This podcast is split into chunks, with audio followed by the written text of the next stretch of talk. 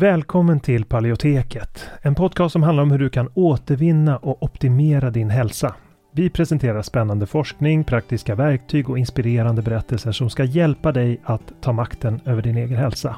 Vi som gör podden heter Karl Hultén och Anna-Maria Norman. En bristande maghälsa kan ge symptom i helt andra delar av kroppen.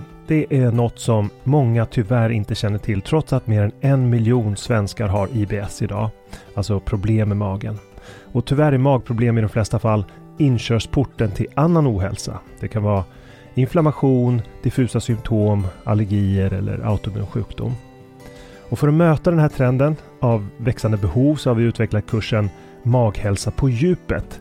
Där vi går på djupet med att vända dålig maghälsa som SIBO och IBS. Och det här är viktiga delar av kursen som vi talar om och den senaste forskningen på de områdena. Och vi djupdyker i vad forskningen säger om de senaste naturliga terapiformerna, kostmetoder, kosttillskott, probiotika och så vidare. Och kursen den kickar igång fredagen den 3 maj och har fyra olika faser och tre frågestunder live. Och dessutom har vi olika resurser och guider att ladda ner från kursplattformen. Så du kommer få lära dig allt om hur du kan använda kosten som en väg till läkning, när, var och hur, hur du kan använda olika kosttillskott och probiotika.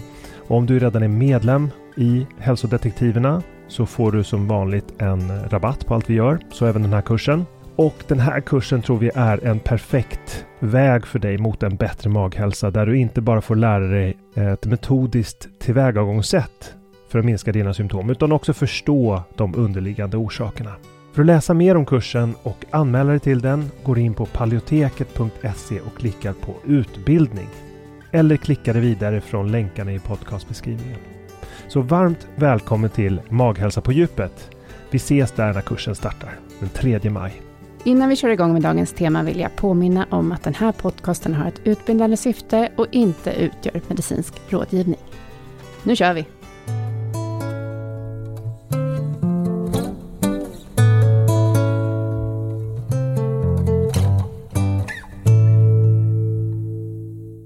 Kalle! Hejsan! Det var väldigt länge sedan vi satt här och pratade i podden tillsammans, har jag Mm. sett. Vi har ju hållit på med andra saker, vi har ju faktiskt setts ändå, eller hur? Ja, det kan man nog säga att vi har.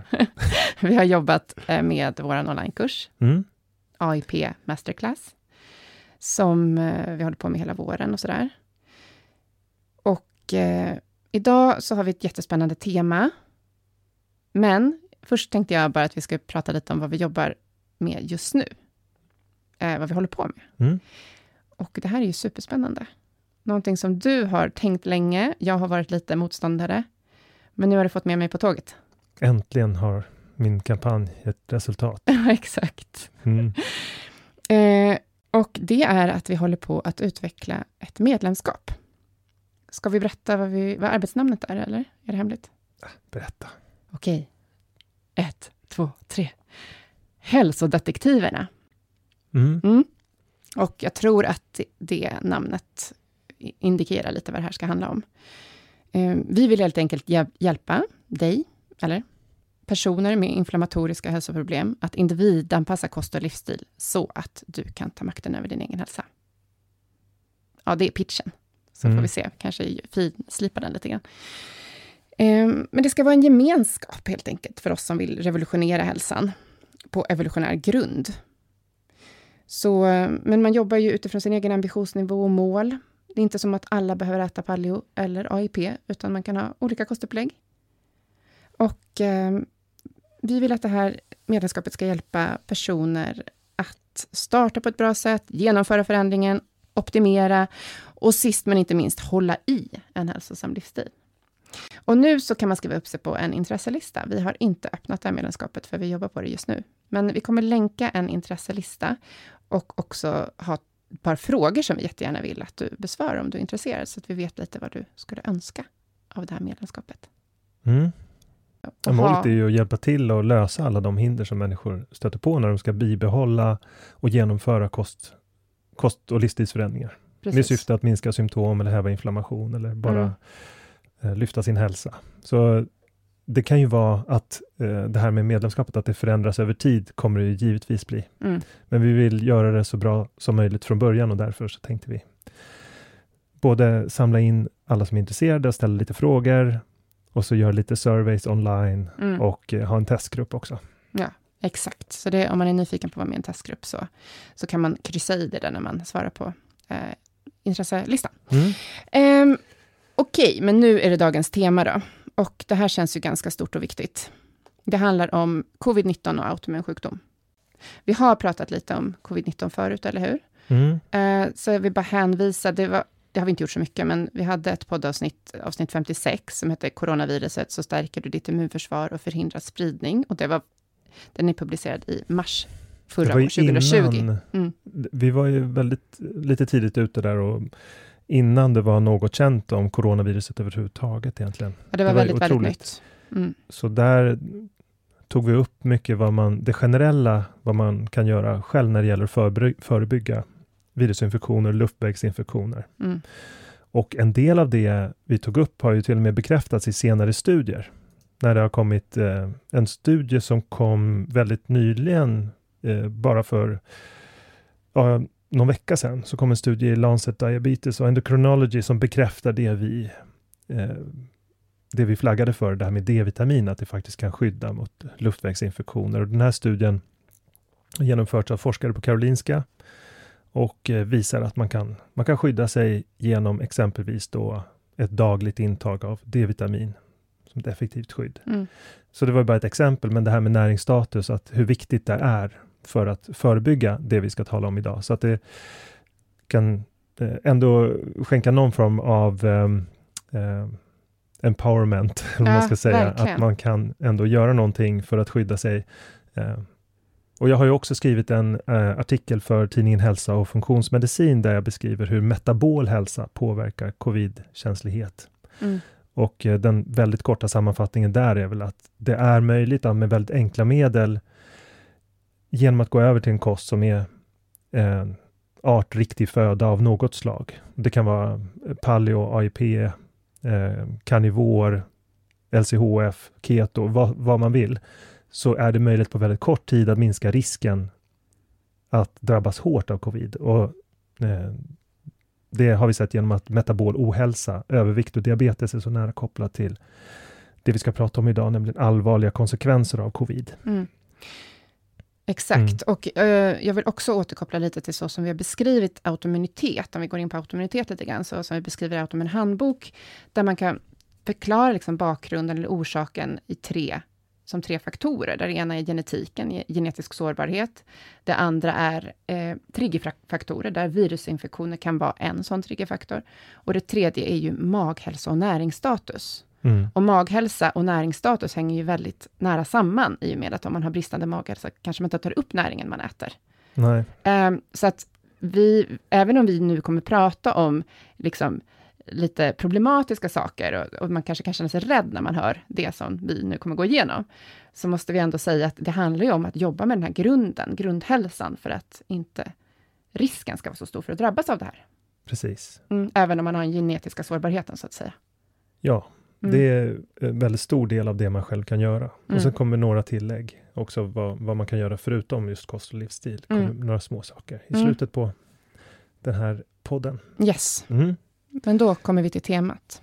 Innan vi kommer in på temat, vad är virus?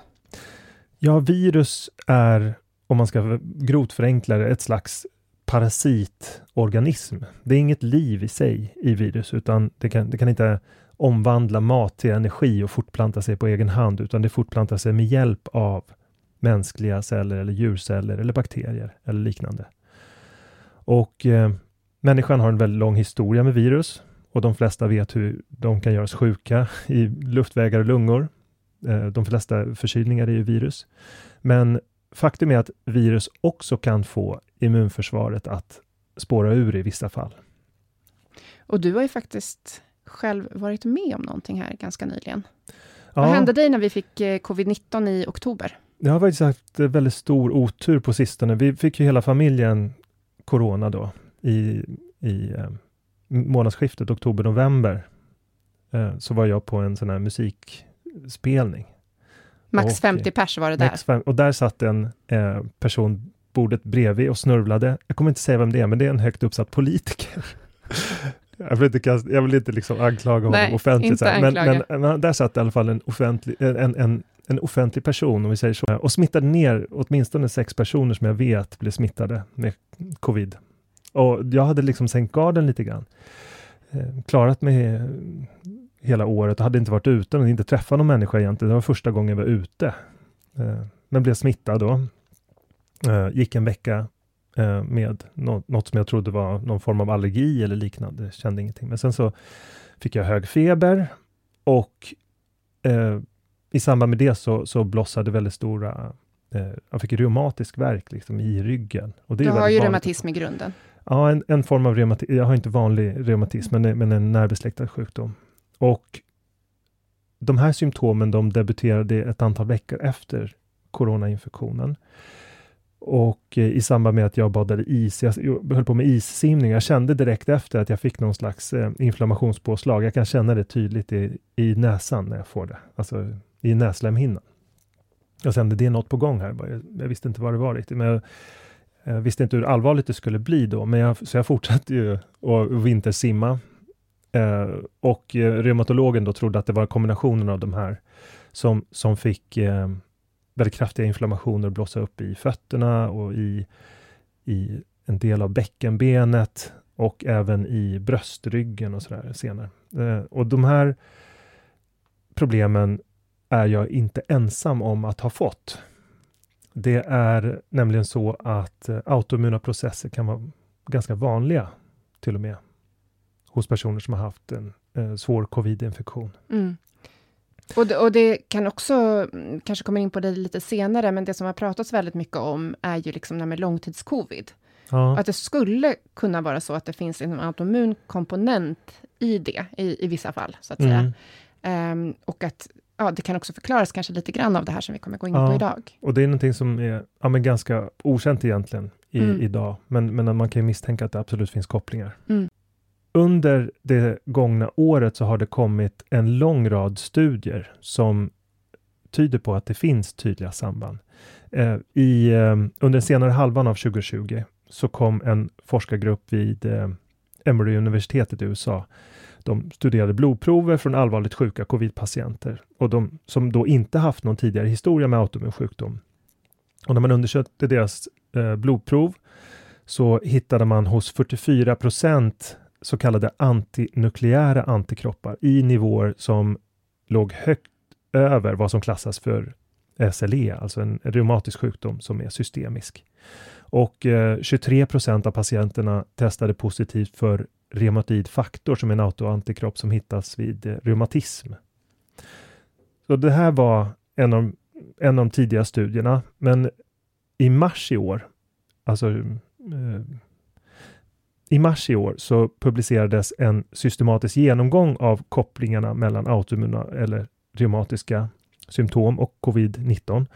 Och man gick då igenom 187 studier. Det har alltså flödat in studier under hela året och även fallrapporter. Och bilden som framkommer då är att autoimmunitet tycks ha en nära koppling till covid-19.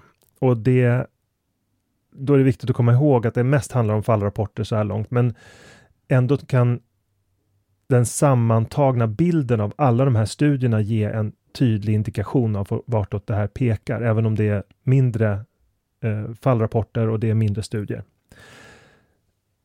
Och sen är det också viktigt att komma ihåg att de här fallrapporterna, de är alltså gjorda på personer som har haft en svår covid-infektion. Det måste alltså inte vara samma sak för personer som har haft en mildare förlopp.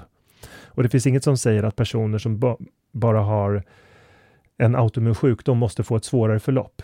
Så är det inte, utan det är mycket tillbaka till det här med metabolstatus och näringsstatus som avgör det. Och sen om man är immunsupprimerad, alltså man har väldigt svagt immunförsvar exempelvis. Sådana saker kan påverka.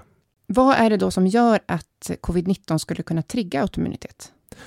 Den mest sannolika orsaken till det, det är att det finns en lång rad molekylära strukturella likheter mellan covid-19 infektionens eh, proteiner och mänskliga protein. Och eh, det är de som till stor del kan förklara de här autoimmuna reaktionerna.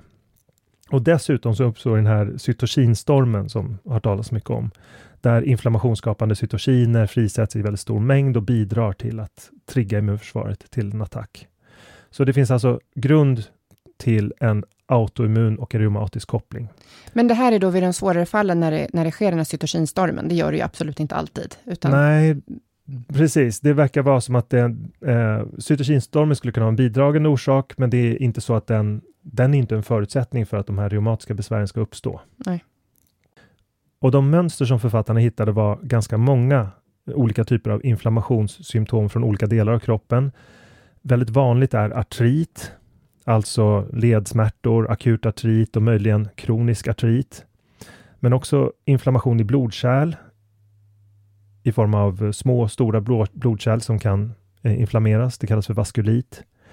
Men också hudpåverkan, neurologisk påverkan, lungpåverkan. Mönster som eh, författarna upptäckte var att autoimmuna symptom kan uppkomma och det kan också triggas skov av en lång rad autoimmuna sjukdomar och inflammatoriska symptom som kan drabba alla delar av kroppen egentligen.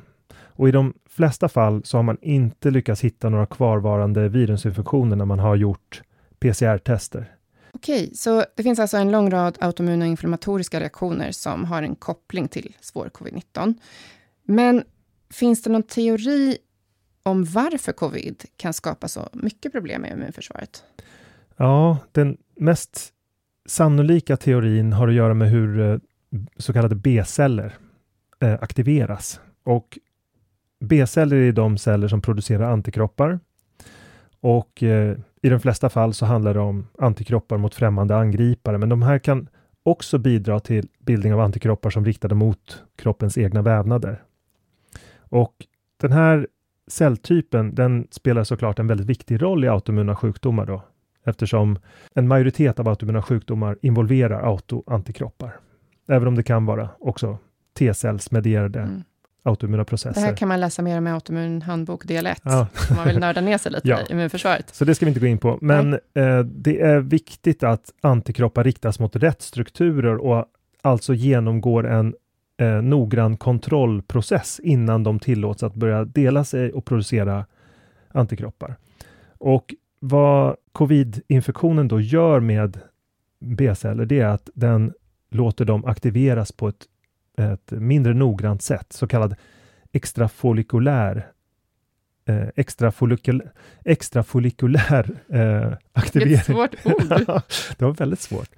Eh, alltså utanför de här center, där, centren där eh, B-celler normalt sett aktiveras. Mm. Och det här steget hoppas då över. De eh, kan då rikta antikroppar mot den egna kroppen på ett sätt som liknar andra autoimmuna processer. Mm. Det, det, är vad man hittar. Eh, extrafollikulärt aktiverade B-celler. Ja, det är okontrollerad aktivering. Mm. Eh, så den har liksom flippat ur lite grann. Ja. Mm.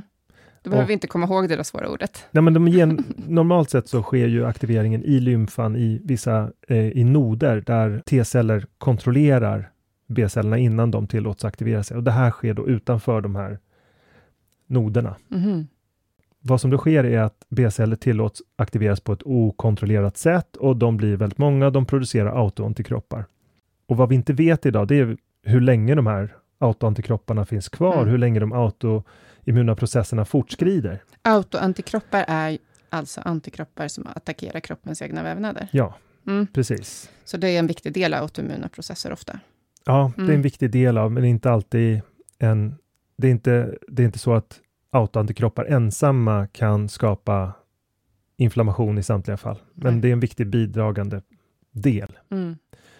Och eh, det kom en studie i augusti förra året och i den studien visade det sig att långvariga symptom förekom hos 71,4 procent av de som fått en allvarlig covid-infektion.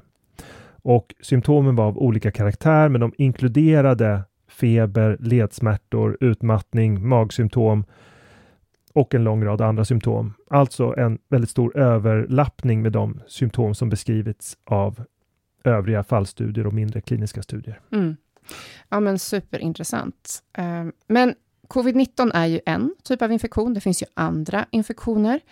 Ehm, vad vet vi om liksom, infektioner generellt och autoimmunitet? Mm. Det är ju inte bara covid-19 som kan trigga autoimmunitet, eller hur? Ja, det finns en lång rad olika virusinfektioner som är kopplade till autoimmunitet och det vet vi sedan länge. Och det, det är ju den här typen av triggerfaktorer som vi beskriver i autoimmun handbok och som vi ofta återkommer till. Och några exempel på sådana virus är exempelvis cytomegalovirus, som är en väldigt vanlig virusinfektion som finns hos många vuxna i stora delar av världen. Den är vanligtvis symptomfri.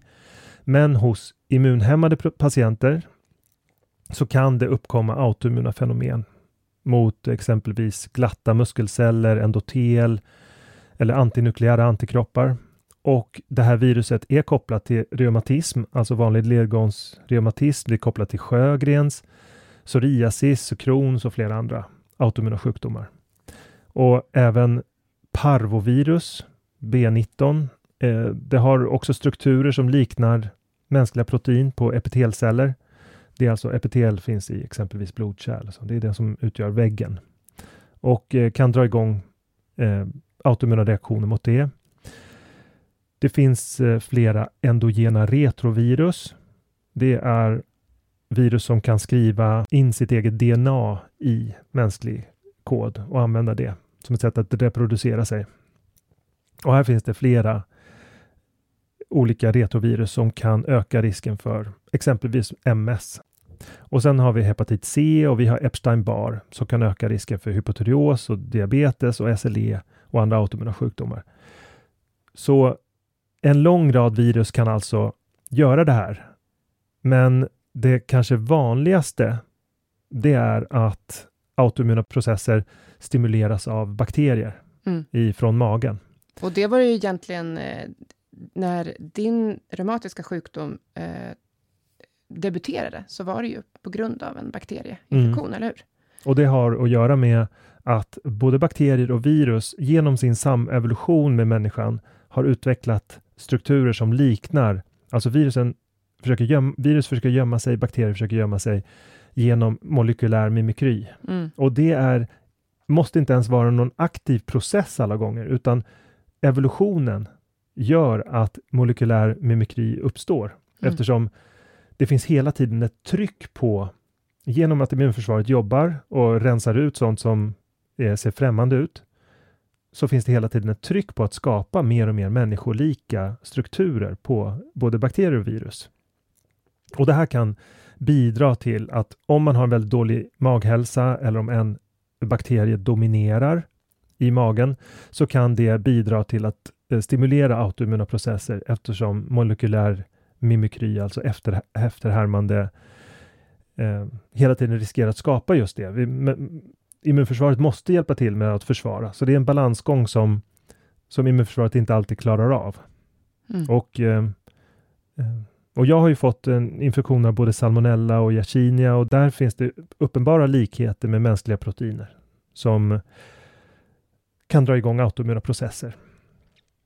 Och jag tycker att det är liksom just det här fenomenet som vi känner till. Vi vet till och med att det finns, det finns forskargrupper idag som kan hos försöksdjur kan dra igång autoimmuna processer med att introducera vissa typer av bakterier hos dem och som sen kan få dem att eh, alltså att kan eliminera den autoimmuna sjukdomen genom att behandla de bakterierna eller få dem att försvinna. Och det här eh, finns flera olika djurförsök idag. Vi vet att det finns en så nära koppling att man kan alltså få autoimmun sjukdom att mer eller mindre uppstå och sen försvinna genom vilka bakterier man tillåter existera i tunntarmen.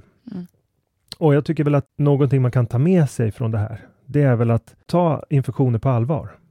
För under väldigt lång tid så har vi betraktat resor till väldigt farliga infektionsländer som helt oproblematiska. Alltså vi har rest över hela världen och vi har inte varit speciellt oroade över konsekvenserna. Men vi som möter människor som har kvarstående magproblem eller som får debuterande problem i samband med infektioner under utlandsresor, vi vet ju hur stort problem det här kan vara. Mm. Det finns till och med studier som visar att omkring 30 procent av de som får en turistdiarré får kvarstående IBS. Och vi vet att IBS är en dysbios i tunntarmen. Ofta en överväxt av vissa enskilda bakterier, så att man slår ut den ordinarie floran där kan innebära livslångt lidande, det kan innebära ökad risk för autoimmunitet och den här inställningen om att lite skit rensar magen och att inte vara försiktig under resor till främst Indien, Asien och Afrika kan det alltså leda till livslånga konsekvenser och man behöver vara försiktig med att dra på sig den typen av infektioner. Mm. Och har man en autoimmun sjukdom så kanske man till och med bör helt laga sin egen mat under utlandsresor. Mm. Något som vi gör när vi reser utomlands. Precis. Och se till att ha näringsstatusen, D-vitaminstatusen och äta på ett sätt som gör att man kontrollerar sitt blodsocker. Det är liksom några hörnstenar Mm. för att förebygga. Precis. För då kan vi ju, eh, om man, man kan ju undvika att åka utomlands och få bakteriella infektioner. Men eh, till exempel eh, coronaviruset finns ju här, så Mm. vi kan ju inte röra oss bort ifrån det. Men det vi kan göra där är att minska vår sårbarhet Mm. genom det som du pratade om kring näringsstatus, maghälsa och blodsocker till exempel. Ja. Och det är det vi jobbar med liksom, när vi jobbar med kost och livsstil. Ja, återigen, alltså när man, när man ser till att fylla i de delarna så löper man en mycket mindre risk att drabbas av långtidskonsekvenser. Mm. Därför att den här typen av studier som vi har gått igenom nu kretsar just kring långtidskonsekvenser av covid-infektion som är allvarlig. Alltså de här studierna som handlar om eh, uppkomst av reumatism, av inflammation i blodkärl, av, av neurologiska konsekvenser, alla de här det är en överrepresentation man sett vid allvarlig covid-infektion. Mm. Och det går ju att helt förebygga det steget genom att genomföra de förebyggande åtgärderna. Precis. Sen tycker jag att det är viktigt att tänka på lite så här, vad man kan göra om man, om man ändå drabbas. För jag menar, du gjorde ju insatser eh, när, du, när du blev sämre nu, efter både covid och vinterbadet. Mm. Då satsade ju du lite extra, även om du brukar tänka på din hälsa, så, så la du i manken till, liksom. Och fyllde i Mm, ja, till att börja med så vissa näringsluckor. Och, jag hade ju försummat eh, D-vitaminstatusen, så där var jag tvungen att, där hade jag rent av på gränsen till lågt. mm, Eh, och eh, sen har jag använt en lång rad eh, olika insatser som Probiotikakur körde du? probiotika, zink. Eh, jag körde en mix av olika probiotika och eh, kombinerade med D-vitamin och eh, en kost som till stor del eh, uteslöt alla potentiella in, in, inflammationsbovar. I, Ja, du äter, åt väl en keto, ketogen kost? ja, en ketogen kost kan man säga på Mm. gränsen till karnivor i vissa fall. Mm, Mm. Precis. Nej, men så att det vi vill förmedla är ju liksom att det går att göra saker när man drabbas. Mm. Och att både för att förebygga, men också om man drabbas, så går det att göra saker. Ja, men precis. Det är viktigt både att lägga på plats en stabil grundhälsa som gör att man inte drabbas av allvarliga konsekvenser och när man eventuellt ändå drabbas så det, finns det en lång rad insatser man kan genomföra för att eh, förbättra sina chanser att eh, bli av med infektionen. Mm. Och det är då det kommer in att man ska vara en riktig hälsodetektiv. Ja, Det här var ju jätteintressant. Det ju, kommer ju komma mer studier gällande covid-19, självklart. mm. Eh, och vi kommer få mer kunskap Mm. Eh, om det. Få göra fler avsnitt. Vi kommer att hålla er uppdaterade. Mm. Hej då! Hej då! Tack så mycket för att du har lyssnat på det här avsnittet av Paleoteket. Vi hoppas att det har varit till nytta för dig. Om du vill få hjälp att uppnå dina hälsomål står vi redo att hjälpa dig. Vårt medlemskap Hälsodetektiverna är en gemenskap online där du träffar likasinnade, får hälsoinspiration hela året och kan ställa frågor direkt till oss på våra medlemsseminarier. Nu under våren startar också två onlinekurser. AIP Masterclass är kursen för dig som vill lära dig allt du behöver veta om kostupplägget AIP, autoimmunprotokoll, samtidigt som du blir guidad genom en stegvis process med både läkningsfas, utvärdering och återintroduktioner. Sen har vi kursen Maghälsa på djupet som riktar sig till dig med IBS och misstänkt eller konstaterad SIBO. Vi fokuserar helt på vad du kan göra med kost, livsstil och strategiskt utvalda kosttillskott. För dig som föredrar att läsa finns också våra fyra böcker. Besök paleoteket.se för att veta mer och glöm inte att prenumerera på vårt nyhetsbrev. Du hittar länkar i beskrivningen till podcastavsnittet.